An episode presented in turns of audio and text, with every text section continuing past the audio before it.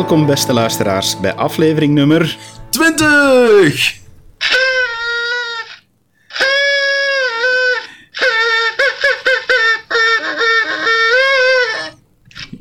met uw gastheren David Geens. En Kevin Werbian. Voilà, Kevin. We hebben ons eh, feestmomentje. Ja, absoluut. Er ligt nu overal confetti, maar dat, uh, dat raakt wel opgekuist. Ja, ja, ja. We zullen de kuisvrouw wel aan het werk zetten, hè. Conchita. Ja, uh, Beste luisteraars, ook voor jullie, happy 20! Yes, absoluut. Het is uh, toch ongelooflijk dat we hier al geraakt zijn, hè? Ja, en we hebben er een knaller uh, voor staan, hè, voor vandaag. Ja, ja, ja. En ah, we kunnen ook zeggen van, het is de eerste keer dat we zo snel terug on-air komen, van, want we hebben enorm veel te vertellen. Ja, want we hebben heel veel replieken gekregen op, uh, op de vorige podcast, op nummer 19. Um, we hebben die zeker aanhoord. We hebben ook een aantal mensen direct geantwoord op onze Facebookpagina. Maar we wouden hier toch ook even een paar dingen aanhalen. Ja. Wel, als we even teruggaan naar aflevering 19, dan hadden we het onder andere over de viering van uh, de openbaring voor het priesterschap voor alle waardige mannen. Ja. En we gebruikten daarbij de term zwarte. En we daar... hebben toen wel heel duidelijk in de podcast gezegd: we willen niemand voor de borst stoten, maar toch, ja, de manier waarop het ook online gekomen is, werd ook zwarten en het priesterschap gebruikt. Daar hebben toch een aantal mensen aanstoot aangenomen. Ja, we hebben voor die term zwarte gekozen, omdat we het nogal letterlijk namen als vertaling uit de Engelse communicatie die er allemaal gebeurde, die, die heel duidelijk sprak over blacks, priesthood for the blacks. Maar evenzeer wordt Black Lives Matter wordt bijvoorbeeld ook gebruikt, dus letterlijk zou je inderdaad gemakkelijk kunnen gaan vertalen naar zwarten. Ja. Maar het bleek inderdaad dat er toch uh, mensen onder onze luisteraars waren of onder onze Facebook-liefhebbers uh, die, die dat vonden dat die term niet gepast was. Ja. En ja, we zijn ook eens te raden gegaan bij een aantal van onze medebroeders. medebroeders. Met een donkere huidskleur. Met een donkere huidskleur. Want dat is uiteindelijk het compromis dat er uit de bus gekomen is. Wij zeggen zelf, kijk, uh, in onze taal is het inderdaad misschien iets minder handig om de term zwarte te gebruiken. En zij houden zelf het liefst van mensen met een donkere huidskleur. Ja.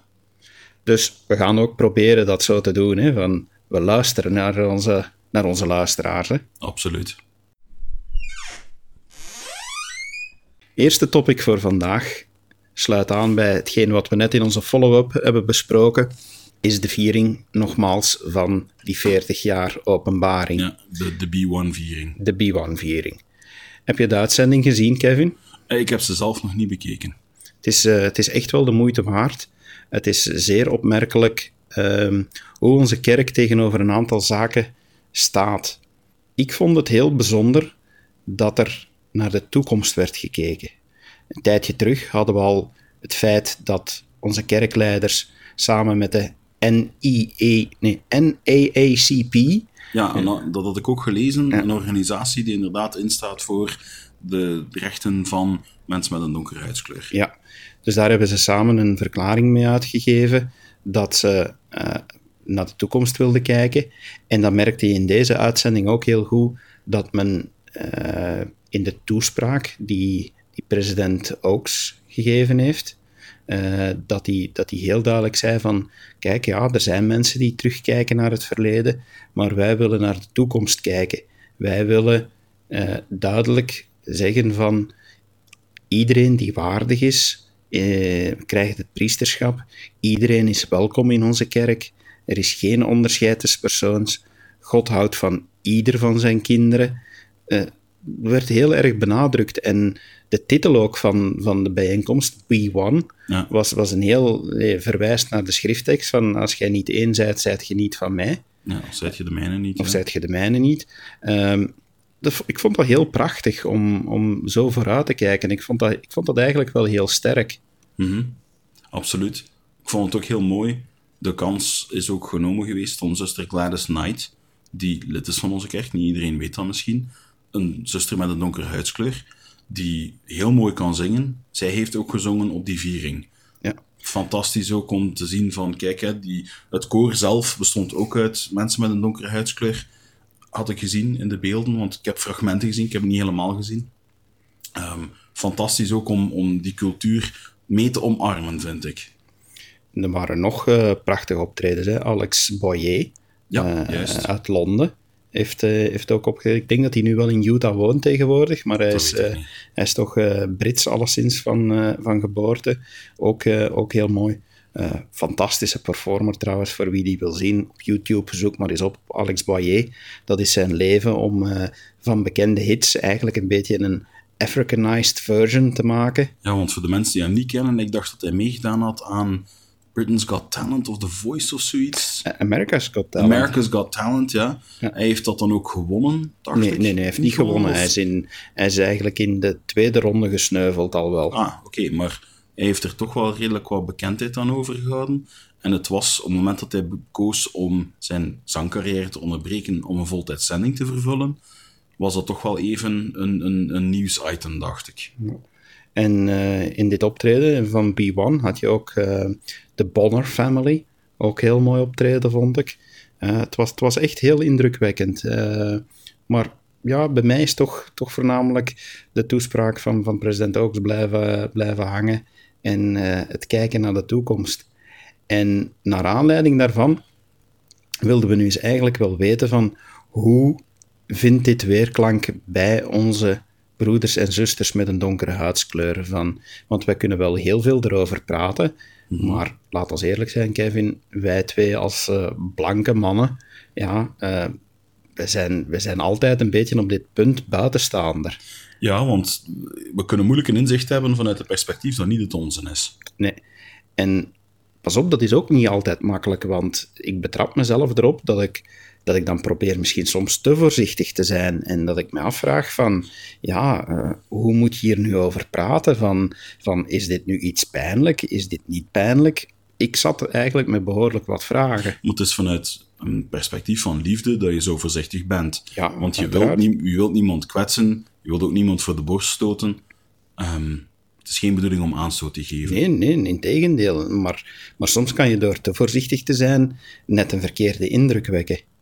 Dat is waar. Ja. Maar we dachten dus, laten we ons gewoon vragen aan iemand die wel betrokken is. Ja. En we hebben een fantastisch interview gehouden via Skype met broeder Emmanuel Odro uit Breda. Ja. En ik stel voor dat we nu eerst gaan luisteren naar dit interview.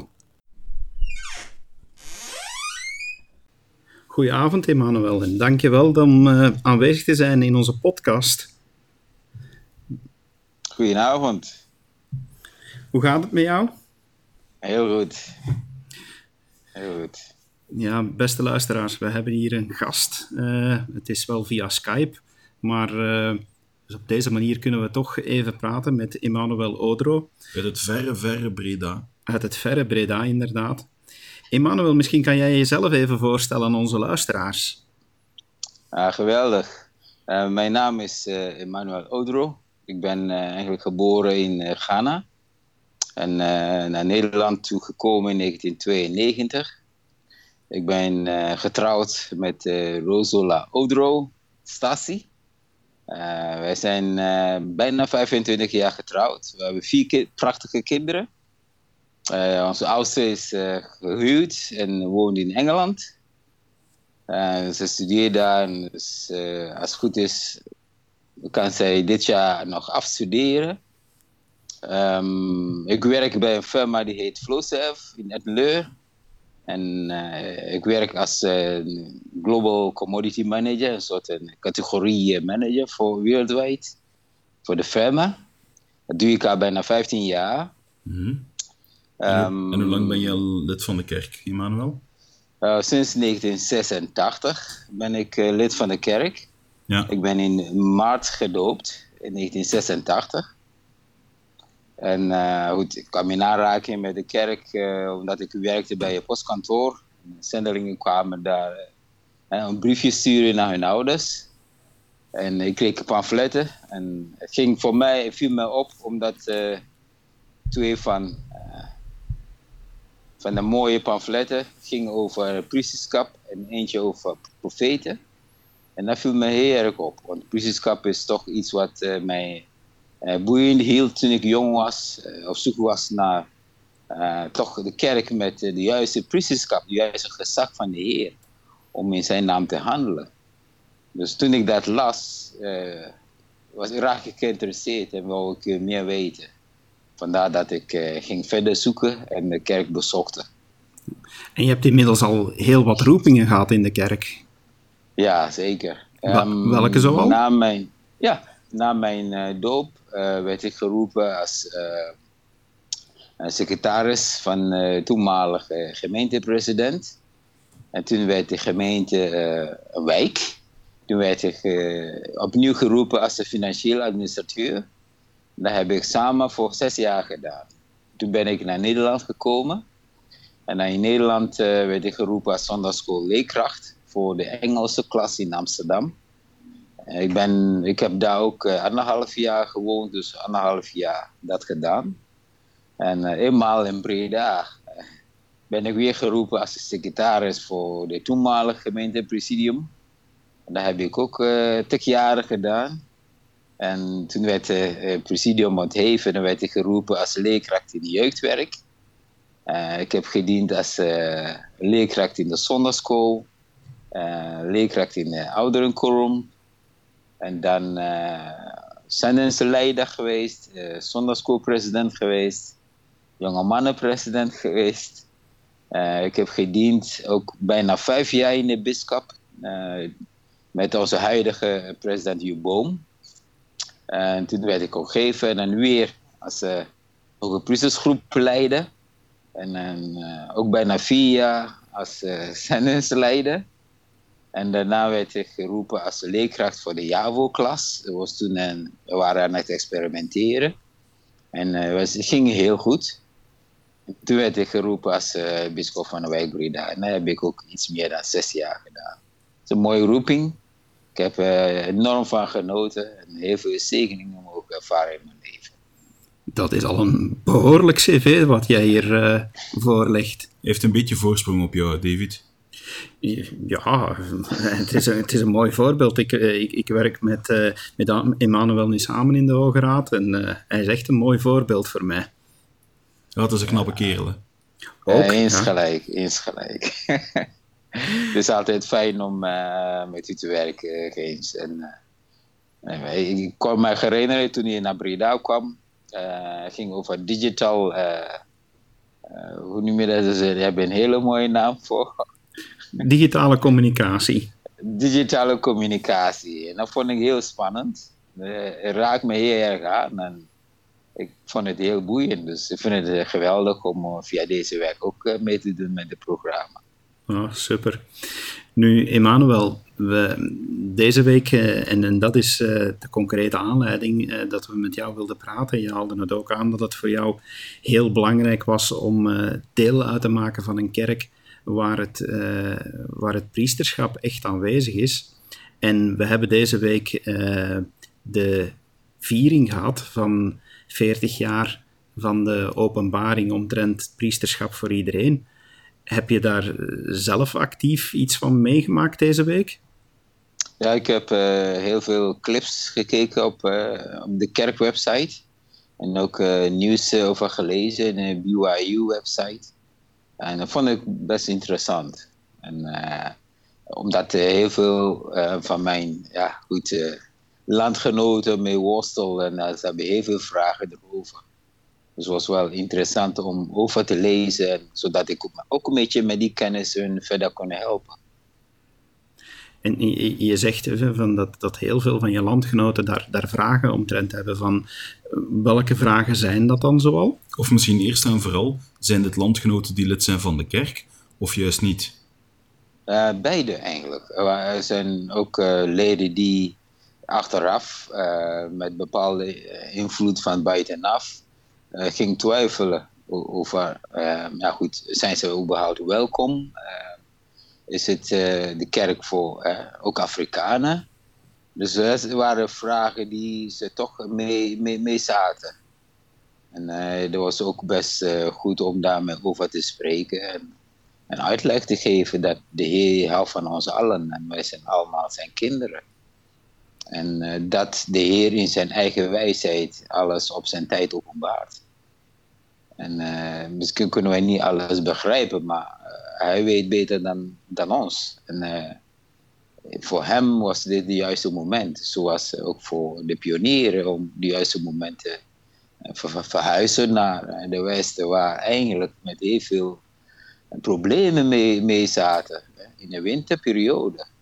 Zouden ook kunnen zeggen, nou waarom niet in de zomerperiode? Maar de Heer kent ons en hij doet de dingen in zijn eigen manier. Hm.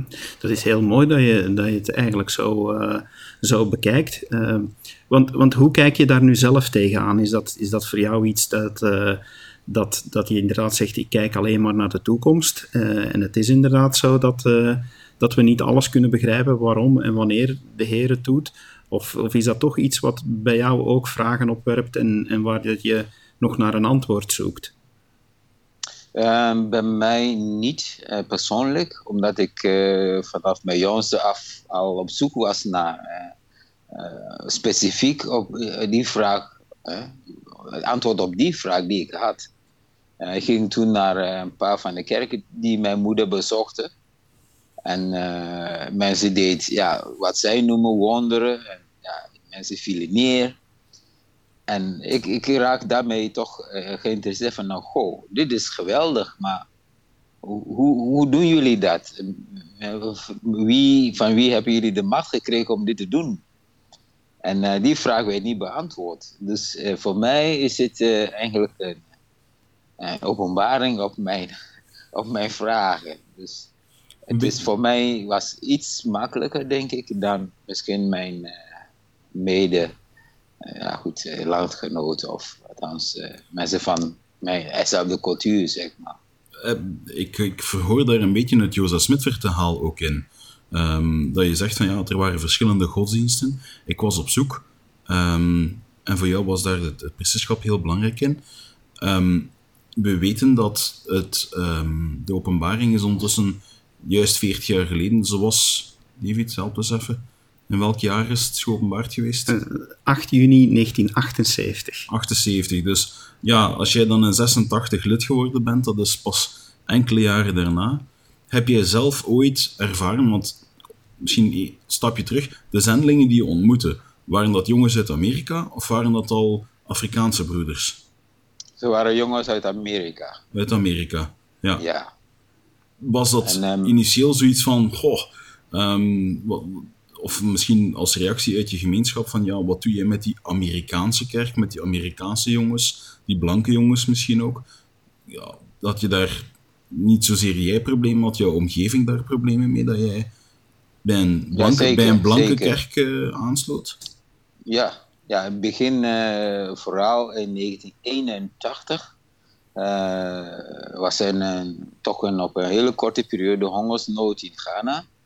En uh, gedurende die periode heeft de kerk, de kerk ook heel veel geholpen uh, via uh, die, die programma die de kerk heeft om mensen te helpen met, om eigenlijk uit de hele welzijn toch hun zelfstandig dingen te kunnen doen.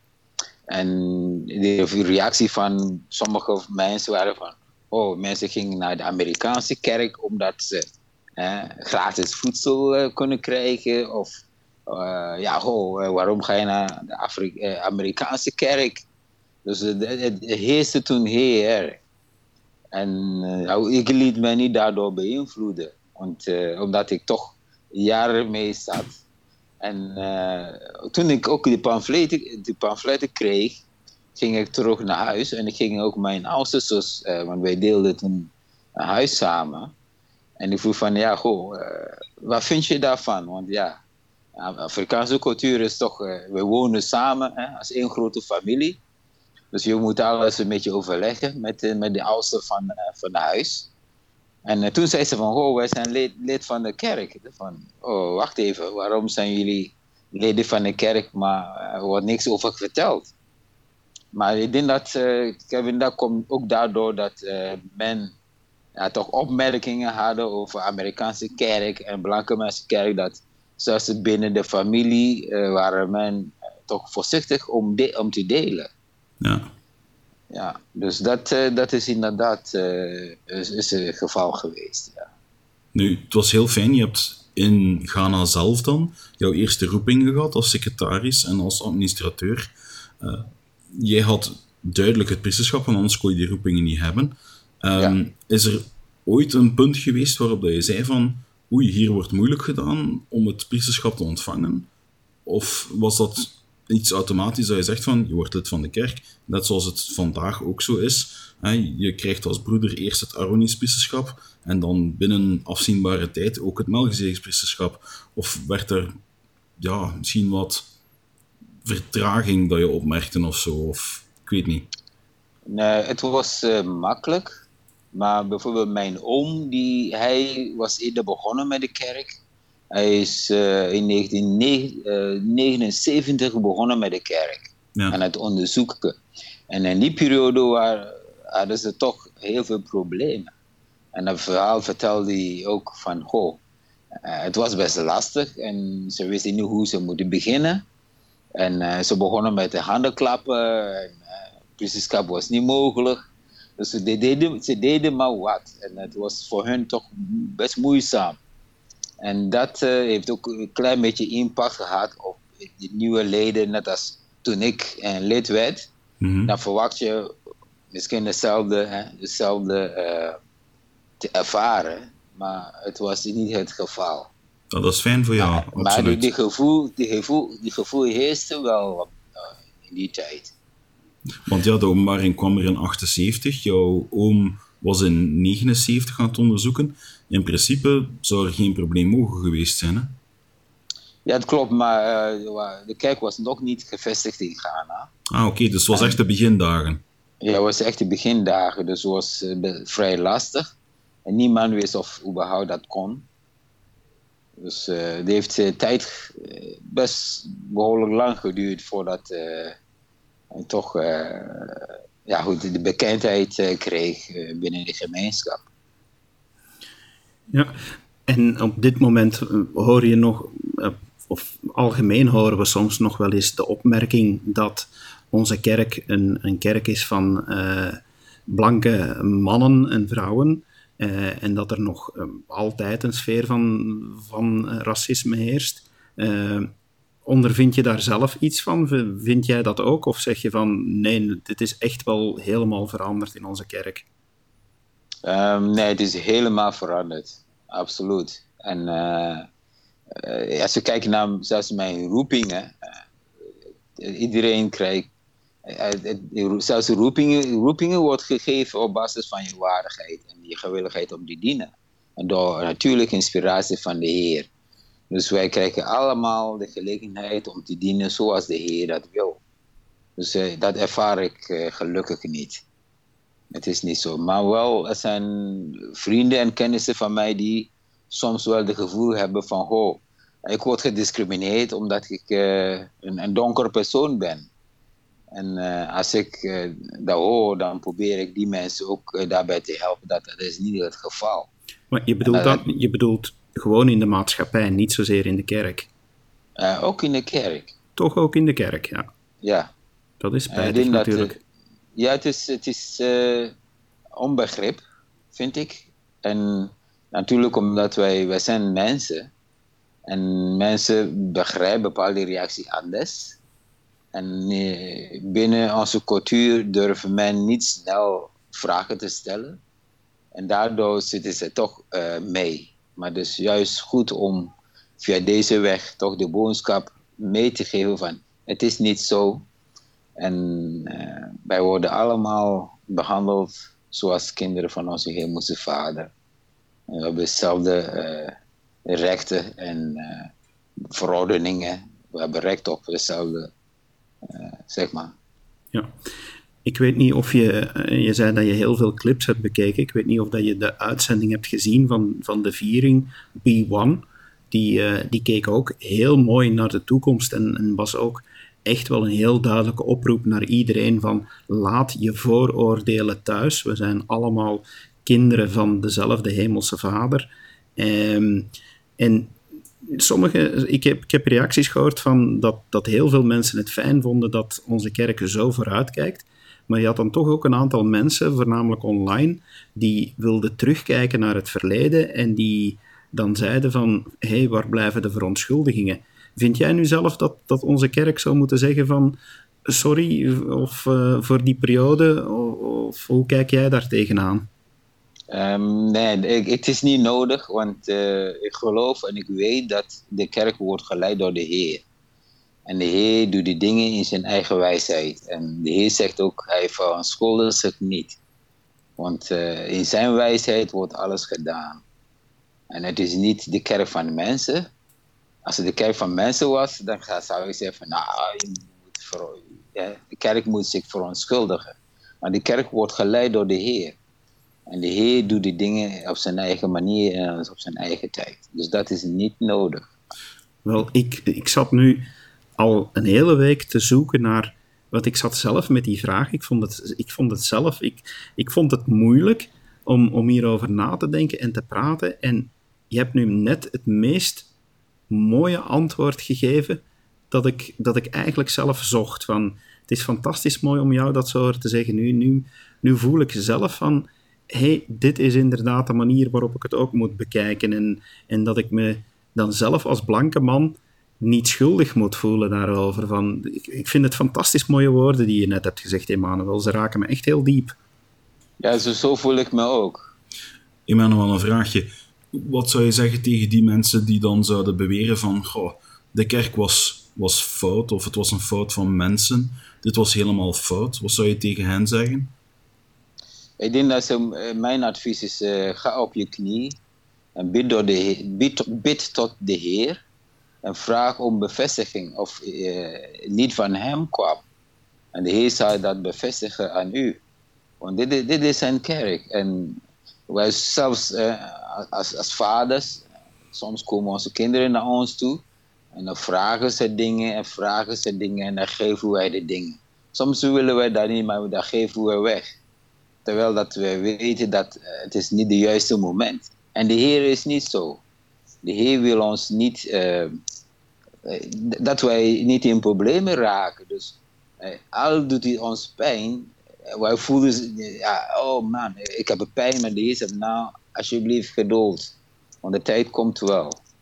En dat is iets waar de mensen moeten over nadenken van, goh, de Heer wil niet dat wij eigenlijk dingen kunnen krijgen die wij niet goed mee om zullen gaan. En dat is mijn gevoel. Want als ik 10.000 euro eh, zou krijgen toen ik vijf jaar was, ja, dan, dan was het niet goed geweest. De Heer doet alles in zijn eigen wijsheid. Je bent, je bent ongelooflijk wijs. Je bent echt een, een wijze man en ik, ik ben zo blij dat we dat we eraan gedacht hebben om, om jou even te contacteren hierover. Want ik denk dat je niet alleen Kevin, Kevin en mezelf iets hebt bijgeleerd, maar dat onze luisteraars ook echt wel uh, verwonderd zullen staan van, van de diepe wijsheid die in jouw woorden schuilt, Emmanuel. Absoluut. Dankjewel. Graag gedaan. Met heel veel liefde en plezier. Dankjewel, Emmanuel, en tot ziens. Tot ziens. Bedankt. ik ben enorm onder de indruk van dit interview. Uh, ik ben er even gewoon stil van geworden. Het was fantastisch. De wijsheid van die man, dat is schitterend. Daar zie je ook de ervaring van iemand die al zo lang lid is van de kerk en ook al zo lang actief meedraait in het besturen van de kerk. Dan zie je dat hij ook heel veel geleerd heeft doorheen zijn leven.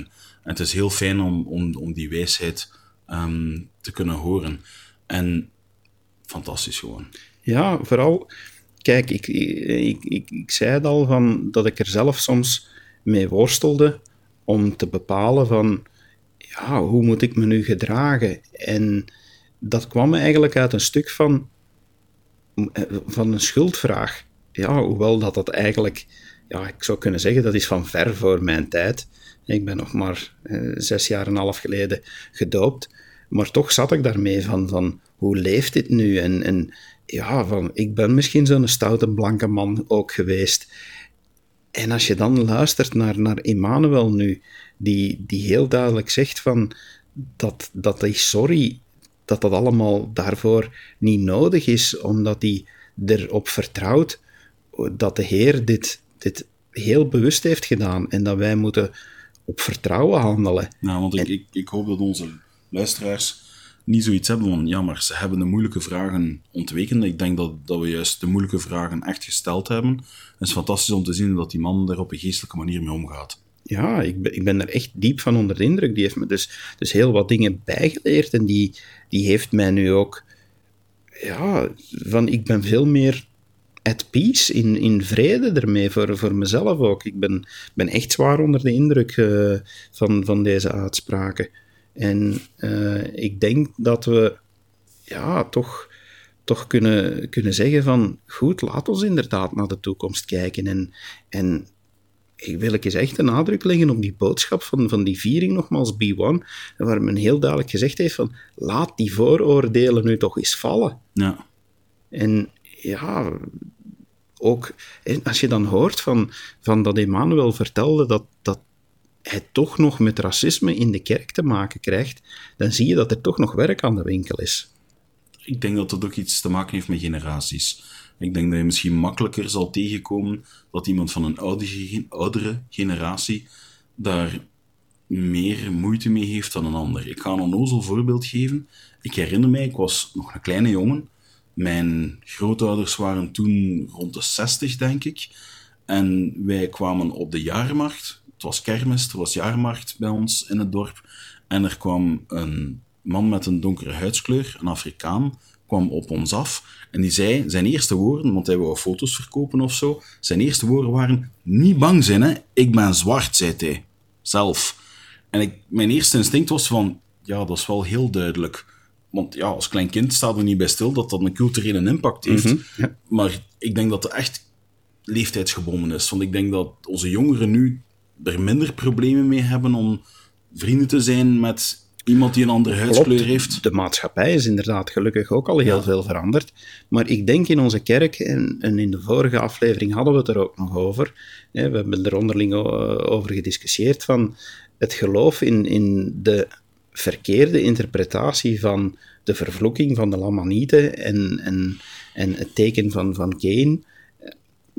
Ja, ik, ik denk dat het toch nog altijd bij mensen leeft en dat het, dat het aan ons is en onze generatie om, om er blijven aan te werken, ook op deze manier door te zeggen van stop daarmee, van, van niet meer terugkijken. Laat, laat ons duidelijk stellen van hoe dat het dan wel moet geïnterpreteerd worden, daar doen we eigenlijk geen uitspraak over, want 100% zeker zijn we er niet van, maar we willen wel, zoals president ook zei, laat het verleden het verleden zijn en laat ons voorwaarts gaan, laat ons één zijn en laat ons ja, zo samen verder gaan. Ja, en bij deze dus echt een, een oproep aan iedereen. En we willen dat heel duidelijk zeggen, dat we echt geïnspireerd zijn door, door de oproep van onze leiders. En ik wil me daar echt toe verbinden om daar nog beter en meer werk van te maken om die vooroordelen uit de wereld te helpen. We zijn snel online gekomen deze week terug, eh, omdat we eigenlijk heel veel te vertellen hadden. Eh, omdat er ook nog een tweede belangrijke uitzending geweest is. Een devotional met president Nelson, specifiek naar de jeugd in onze kerk. Ja, samen met zijn echtgenote. Het was fantastisch. Dat is ook via sociale media verkondigd geweest. Ehm, heel handig natuurlijk voor de jeugd die ook toch heel veel tijd op sociale media doorbrengt. Zelfs ik had op een gegeven moment zo de, de pop-ups gekregen van hey, u wordt uitgenodigd voor dit event. Ehm, het, was, het was leuk om te zien hoe dat, dat zo verspreid werd. En het was fantastisch. Ja, ik, eh, zelfs als, als niet tot de doelgroep behorende, Zijt jij niet meer jeugd, David? net niet meer. Van, eh, ik ben zo stilletjes aan uit mijn puberteit aan het uitkomen. Eh, ik Is dat begonnen toen dat, grijs in uw baard begon te komen? Of? Eh, grijs in mijn baard, van ik denk dat jij, dat jij kleurenblind bent. Ik ontken alles, beste luisteraars. Eh, er is hier geen visueel bewijs te vinden. Ehm, nee, maar ik vond, het, ik vond het wel fantastisch, omdat er ook voor ons een enorme lessen in zaten. Als, als je kijkt van... eh, Het begon met de toespraak van zuster Nelson. Ehm, ik, ik vond het fantastisch hoe dat zij het op, op haarzelf betrok. Van, ze toonden een paar foto's. En in de eerste foto was een bos met berkenbomen. Allemaal mooie, rechte, witte stammen. En zij zei van, ja, zegt ze, van, heel veel mensen in onze kerk kijken zo naar elkaar. en, en, en zien allemaal de mooie dingen en hoe rechtschapen iedereen is. En ze zegt van, dan kijk je daar zelf naar en je ziet iedereen ook zo. Maar zegt ze, ik voel me vaker zo. En op dat moment verschijnt er een foto van een berg die in de meest rare bochten groeide. En ja, tussen al die rechte bergen. En dan zeg je van, ja, je kan niet anders dan je daarmee identificeren. Want uiteindelijk voelen we ons allemaal zo. Hè. We kijken naar anderen. Maar, maar niemand, ja, eigenlijk zijn we allemaal die ene boom die in rare bochten groeit. Hè. Uiteindelijk wel. En ja, ze, ze maakte daar een mooie gedachtesprong. Want ze zei dan ook van ja, je moet niet zozeer kijken naar hoe anderen eh, recht lijken te zijn, want ze zijn het zeker ook niet. En zelfs al zouden ze zo lijken, dat is maar een momentopname. En uh, ze zei dan heel mooi van, ja, je moet naar dat groter perspectief kijken in de eeuwigheid. En ze zei van, moest je nu maar eens, beste jongeren, op uw tablet kunnen gaan en een YouTube-filmpje opzetten, en tien minuten uit uw eeuwig leven, uit, uh, tien minuten uit uw voorbestaan, voor je hier naar aarde kwam. Dat is... eh, als je daar lang bij stilstaat, dan heb je zoiets van... Oké, dat is pretty mind-blowing. Ja, en, en eh, we weten daar een aantal dingen van. Eh, Wij mormonen geloven inderdaad dat we al eh, bestonden voor we hier op aarde kwamen. Ehm, we hebben daar al over gepraat in, in een van de vorige afleveringen over het heilsplan. Maar, maar dus kort samengevat, mormonen geloven dat we al eh, bestonden, dat we kinderen zijn van hemelse ouders en dat we samen bij hen leefden in wat je de hemel zou kunnen noemen, om het heel simpel te zeggen. En dat we daar bewust een keuze hebben gemaakt van, kijk, wij willen verder groeien. En om verder te kunnen groeien gaan we een lichaam krijgen en komen op aarde. En dat is waar zuster Nelson ook bij stil stond, is dat ze, ze zei van, ja, besef dat je heel duidelijk de keuze al hebt gemaakt, beste jongeren, om dat lichaam te krijgen, om naar hier te komen om getest te worden. En zij van, die testen, dat houdt in dat je inderdaad van die moeilijke momenten meemaakt, waardoor je scheef kan groeien. Ja, want dat is misschien ook nieuws voor sommige van onze luisteraars, maar wij geloven ook dat iedereen die hier op aarde gekomen is, die een lichaam gekregen heeft, die keuze heeft gemaakt. Dus er is een moment geweest waar dat en Satan en Christus naar voren kwamen en zeiden van Heer, zend mij als verlosser.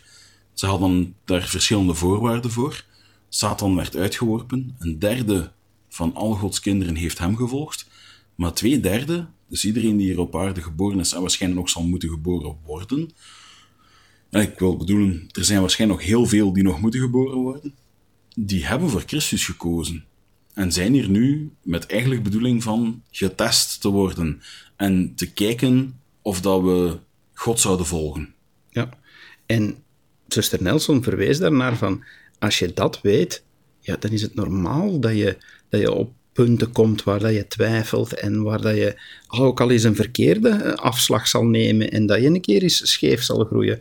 Maar weet dan ook van, eh, dat, dat er heel simpele oplossingen zijn. Eh, haar oproep was dan ook heel duidelijk, bekeer u, neem wekelijks van het avondmaal. Hier u dagelijks, ja. Bekeer u zelfs dagelijks. En, en ja, naar de jongeren toe ook een heel duidelijke oproep van vervul, een, vervul uw zending, Ja. indien mogelijk. Ja, dus, eh, want ook dat even meegeven, eh, voor, voor onze niet-Mormoonse luisteraars, het is gebruikelijk dat Mormoonse jongeren, jongens op 18, meisjes op 19 jaar, eh, twee jaar op zending gaan. Hè. Meisjes iets korter. Ja, meisjes een jaar en een half. Ja, meisjes een van jongens wordt het verwacht, maakt het deel uit van een plicht tegen, tegenover God. Maar als je niet op zending gaat, dan is het niet dat je wordt uitgeworpen of, of, of weet ik veel wat. Dan ben je niet op zending geweest. Daar ga je zelf ooit verantwoording voor moeten afleggen aan je hemelse vader. Ehm, waarom dat je dat gedaan hebt. Maar er zijn soms heel goede redenen. Soms zijn er heel goede om redenen. niet Dat- te gaan. Hè, dat je ook eervol ontslagen wordt van die plicht. Hè. Ja, inderdaad. Inderdaad. Er kunnen daar heel goede redenen voor zijn. En Bijvoorbeeld een fysieke of mentale handicap. Of, eh, Onder andere, dat is er één van. Eh, Maar voor hetzelfde geld kan het gebeuren dat God zegt van nee, ehm, je hebt iets anders te doen waar dat je nu bent. Ehm, en dat is even belangrijk, zo niet belangrijker als op zending gaan. Maar dat is iets dat je als jongere dan heel goed moet afwegen tussen jezelf en je hemelse vader. Dan moet je echt in gebed overgaan en zorgen, nee, zorgen. Dan moet je echt die bevestiging gaan zoeken bij je hemelse vader, of dat het voor jou juist is om op zending te gaan of niet. Maar het standaard antwoord van de Heer, ik kan een afwijkend antwoord geven, het standaard antwoord van de Heer is, ja, je hoort op zending te gaan. Zeker als jongen, voor meisjes mag het, maar daar is geen tussen aanhalingstekens verplichting. Want... Maar ik vond het, vond het heel mooi, zoals zuster Nelson eigenlijk dus, dus aangaf, ehm, hoe je daar kan op voorbereiden. En ik vond het echt een, een heel mooie oproep naar onze, naar onze jeugd, om bewust te zijn van uh, wat belangrijk werk er te doen valt als je je zending gaat vervullen. Want hè, zij verwees daarnaar ja, hoe belangrijk het zal zijn om de twaalf stammen van Israël terug te verzamelen. En dat dat moet gebeuren nu in onze laatste dagen. En dat dat uh, een van de opdrachten is die je vervult door op zending te gaan. Ja, daar had president Nelson het ook over. Hè? Hij is daarop ingepikt. Ja, die, die had het uh, inderdaad ook over die nakomelingen uit de twaalf stammen. Uh, die, waarvan hij zei van oké, zij zullen Jezus Christus zeker als een Messias gaan herkennen. Uh, dus heel belangrijk dat we iedereen die kans geven, want ja, de, de, twaalf stammen van Israël zijn verspreid over de aarde. Hè, van, uh, mm -hmm. dat, dat is niet alleen de Joden die in Israël momenteel wonen. Hè. Nee, inderdaad. Je hebt er twaalf. De meeste leden in West-Europa stammen af van Ephraim. De, de stam van Ephraim. Nu, Ephraim en Manasse waren de twee zonen van Jozef. Jozef, die een van de oorspronkelijke twaalf broers waren, zonen van Israël, of Jacob ook genoemd. Die werd dan Israël genoemd. En elk van die zonen is dan een stam van Israël geworden. Met uitzondering dan dat, ja, dat er een van de broers dat recht verloren heeft door een van zijn daden. Um, kan je meer over lezen in de Bijbel, daar gaan we nu niet dieper op ingaan. Maar het punt is dat Jozef, in plaats van stamhoofd te zijn, dat zijn twee zonen elk een stamhoofd geworden zijn.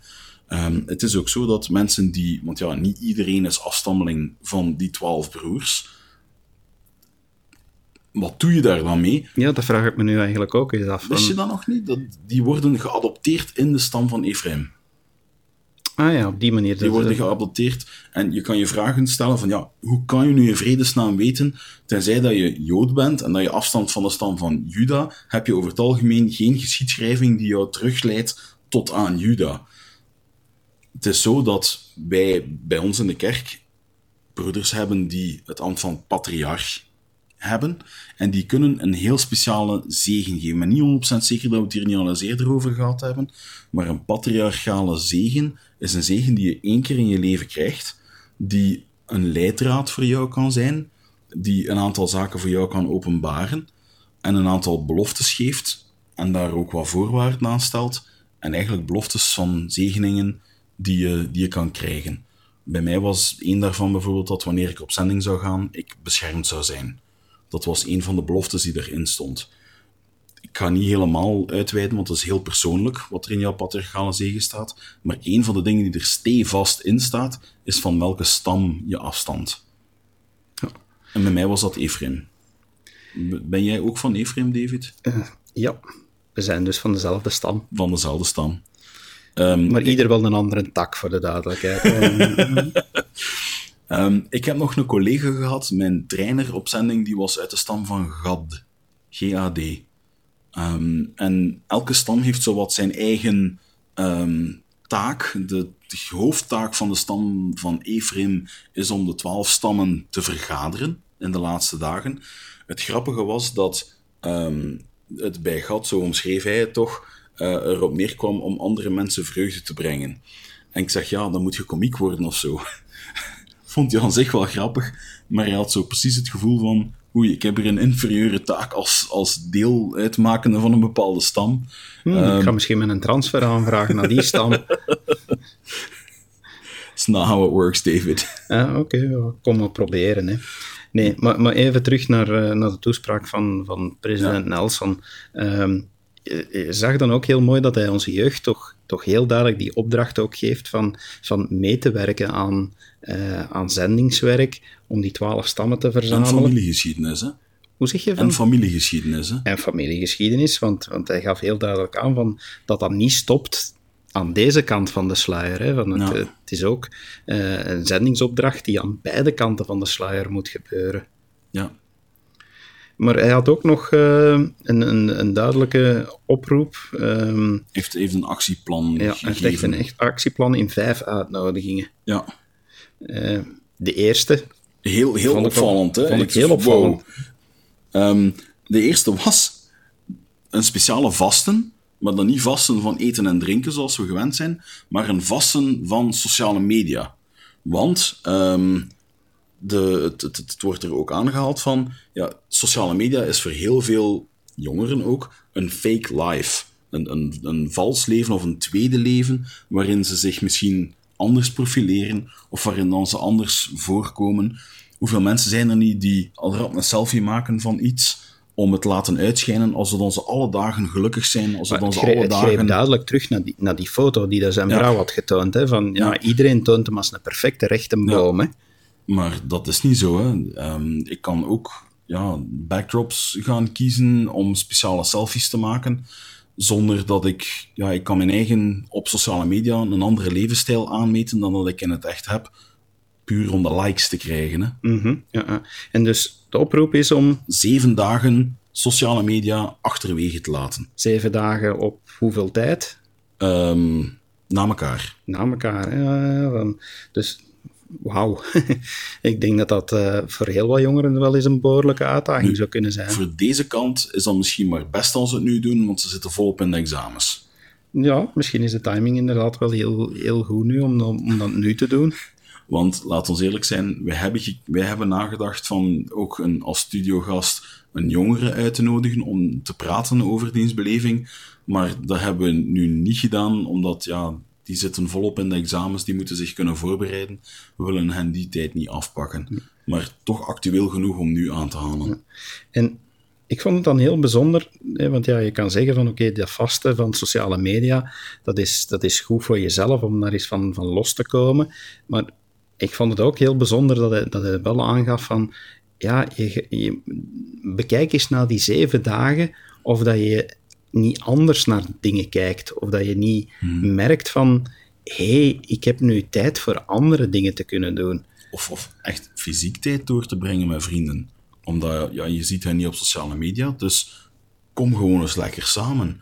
Ehm, Ja, want dat sluit dan aan bij zijn tweede uitnodiging, waar dat hij, eh, waar dat hij zei van, oké, eh, vraagt hij aan de jeugd van ehm, een wekelijks offer van tijd aan de Heer en dat drie weken op rij. Ja. Dus elke week toch echt iets te zeggen van, oké, nu heb ik dat blok, die tijdsblok, ga ik spenderen door iets te doen. Dat kan familiegeschiedenis zijn, dat kan eh, met zendelingen samen op pad gaan zijn, eender wat, maar moet drie weken, drie weken zijn, ja. op rij, ja, toch is echt zeggen van elke week ga ik effectief tijd vrijhouden dat ik iets doe voor de Heer. Ja, Vond ik een zeer sterke oproep. Eh, zeker. Ik denk dat we te vaak, ik ben er zelf ook schuldig aan, hè, te weinig tijd nemen. We leven, ik ga nu niet zeggen we leven erop los, want dat, dat klinkt verkeerd, maar heel veel mensen gaan gewoon mee met de flow. Een dag gaat zoals die gaat. En nemen niet de tijd om te bidden, echt te bidden, mee tegelijkertijd te mediteren. Want ik heb de laatste paar dagen ook, als ik met de hond ging wandelen, zou ik in gebed gaan met mijn hemelse vader, als ik ochtends alleen met de hond eh, erop uit ben, om echt mezelf een beetje te gaan evalueren. En dat sluit ook heel mooi aan op, op, op het volgende punt. President Nelson zei ook van, ja, ga na of je nog steeds stevig op het rechte pad staat. Ook dat is een vorm van meditatie, kan meegepaard gaan met gebed, om echt jezelf te gaan evalueren en te zien van, ben ik wel nog goed bezig? Zijn er dingen waarvan ik mij moet bekeren? Zijn er dingen die ik anders moet gaan doen? Ehm, spendeer ik te weinig tijd aan de Heer en aan de opbouw van zijn koninkrijk? En dat is niet alleen voor jongeren, voor broeders en zusters die bepaalde verbonden aangegaan hebben, is die vraag zo mogelijk nog belangrijker. Want ze hebben als bij een van die verbonden belooft aan de Heer om hun tijd ook aan hem te schenken. Ja, klopt. Dus- deze uitnodigingen kunnen evengoed toegepast worden Door- op al wie boven de eigenlijk. leeftijd van 18 jaar is. Ja. Van, ja. Maar het is inderdaad mediteren, want en dat bidden de- is dan uitnodiging nummer vier. Maar dan heel specifiek bidden eh, vroeg hij dat iedereen de zegeningen van het evangelie mag ontvangen. Dus het was echt bidden voor al de mensen, eh, zonder onderscheid van, van wat ze nu echt geloven of niet geloven. Of wat een historiek is. Ja, of wat een historiek is, of waar ze ook wonen. Echt bidden om met de vraag van, alsjeblieft, mag iedereen de zegeningen van het evangelie ontvangen? En ik denk als alle jongeren dat nu wereldwijd in onze kerk mee beginnen, dat is een krachtig gebed, hè? Absoluut, absoluut. Allee, laat ik het zo stellen. Ik denk niet dat dat eh, ongehoord zal blijven hierboven. Maar mensen blijven een vrije keuze hebben, uiteraard. Het is niet omdat ehm, iemand ja, de bid van. Stel nu dat jij geen lid zou zijn van de kerk, David, en ik bid alle dagen dat jij lid mag worden van de kerk. De Heer gaat jou niet dwingen om lid te worden, hè, omdat ik daarvoor gebeden Nee, heb. nee, het draait hem helemaal om vrije keuze. Hè. Dat, eh, dat is wel duidelijk. Nee, maar toch, als ik dan ook weer naar mezelf kijk, van, als ik kijk van hoe zeer ik zelf gezocht heb naar de waarheid en naar de kerk waarin dat ik echt het gevoel kreeg van dit, dit is de, het ware evangelie, ja, dan... eh, ja, en al, al die jaren ben ik deze kerk niet tegengekomen van, ja, dus ben ik nooit die zendelingen tegengekomen van, hoeveel meer jaren, hoeveel jaren eerder zou ik gelukkig geworden zijn als dat wel het geval is. Dus ja, ik, ik, op dat punt voel ik me dan met deze oproep enorm verbonden, dat, dat iedereen veel sneller die kans mag krijgen om hiermee in aanraking te komen. En om mensen meer die kans te geven om ermee in aanraking te komen, heeft hij de vijfde uitnodiging gegeven. Durf anders te zijn en durf een licht te zijn voor anderen. Ehm, een licht steek je niet onder een korenmaat, staat in de schrift, waarmee dat je eigenlijk wil zeggen van ja, je gaat geen zwarte lampenkap rond de lamp doen, want dan heeft het geen effect en dan schijnt het alleen van binnen. Je laat het licht zoveel mogelijk schijnen als je kan. Als, als, als mensen niet durven anders te zijn en gewoon meegaan en, en, en mee...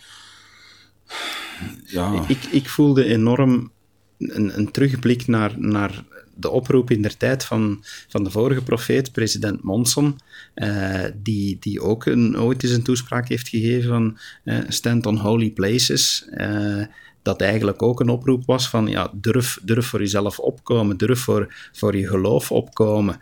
Eh, hij gaf daar ook een voorbeeld bij van hoe hij ooit dacht alleen te staan eh, terwijl hij in, in de marine was. Eh, maar nu ook, president Nelson heeft dat heel duidelijk aangehaald, dat hij heel goed weet dat het voor jongeren vandaag niet evident is om te zeggen: Ik geloof in Jezus Christus en ik ben lid van de kerk van Jezus Christus van de Heilige der Dat is laatste voor volwassenen dagen. ook niet evident, maar voor jongeren nog veel moeilijker. hè. Nog veel moeilijker. En, en dat hij dus echt zei van, maar durf anders te zijn. Want als je echt durft te tonen wie je bent en waar je voor staat en waar je in gelooft, dan ga je dat licht zijn voor anderen. En dat is niet altijd makkelijk. Ik ga een voorbeeld geven. Ik heb twintig jaar geleden ondertussen al, ehm, ik was 14 jaar, ik heb een spreekbeurt gegeven in, op school. Over de kerk, over het feit dat ik lid was, en daar een hele hoop vragen over gekregen. Er is dan speeltijd geweest, dan hebben we nog twee lesuren gehad, en dan kwam middag, en ik was nog maar gedaan met eten. En ik was op de speelplaats aan het rondlopen. En er kwam iemand op me af. Hey, hey Kevin, hey Kevin, hoeveel moeders heb jij? Wat? Ehm, en dat was twintig jaar geleden. Ehm, ook toen waren er veel vooroordelen. De, documentaires die op televisie soms eh, gegeven worden, waarin dat veel wijverij als een courant mormoons gebruik worden bestempeld, helpen daar niet aan. Maar ja, op, op zulke moment van, vind ik van, moet je, moet, je durven, moet je durven zeggen waar je voor staat. En persoonlijk, ik doe het dan graag altijd met een knipoog. Hè, Ja. van, ik, ik durf dan dikwijls al eens beginnen van, ah, maar wacht even, ik moet u dat uitleggen. En ik heb dat even besproken met mijn vrouwen. David houdt van een kwinkslag, eh, lieve luisteraars. Hij is ooit aan... ehm, in de kerk hadden we een Halloweenfeestje. En David wou aan de zendelingen laten weten dat hij wou gedoopt worden. En dat niet beter gevonden dan zich als duivel te verkleden, met zijn gezicht helemaal in het rood geverfd, een heel duivelspak. En hij komt daar dan doodleuk voor die zendelingen staan en zegt: hey, ik ben David Geens, ik wil gedoopt worden. Je had die jongen zijn gezicht moeten zien, dat was goud waard. Ik stond ergens anders in de zaal erop te kijken en ik lag strijk.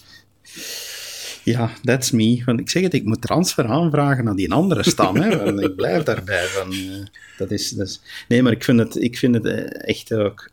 Nee, ik denk dat het voor jongeren niet makkelijk is vandaag. En, en dat het nodig is om, om ook als niet-jongeren dan onze jongeren een hart onder de riem te steken. En, en te zeggen van, wauw, en hoed je af dat je dat, je dat doet. En, ja, en laten voelen van dat we daar echt bewondering voor hebben. Ja. Eh, want het is gewoon niet evident. Als het al vol, als volwassenen niet evident is. Van, Zeker omdat je onder, op het moment dat mensen weten dat je lid bent van de kerk, word je constant onder vergrootglas gelegd. Hè? Ja, Ehm, ook al. Op, op het werk merk ik dat ook. Mensen weten dat ik lid ben van de kerk. Als ik ook maar één foutje maak of ergens een mop maak die niet helemaal kraakhelder wit is, dan krijg ik al de commentaar van hé, hey, maar mag jij dat wel als mormoon? Je wordt onder zo'n loep gelegd.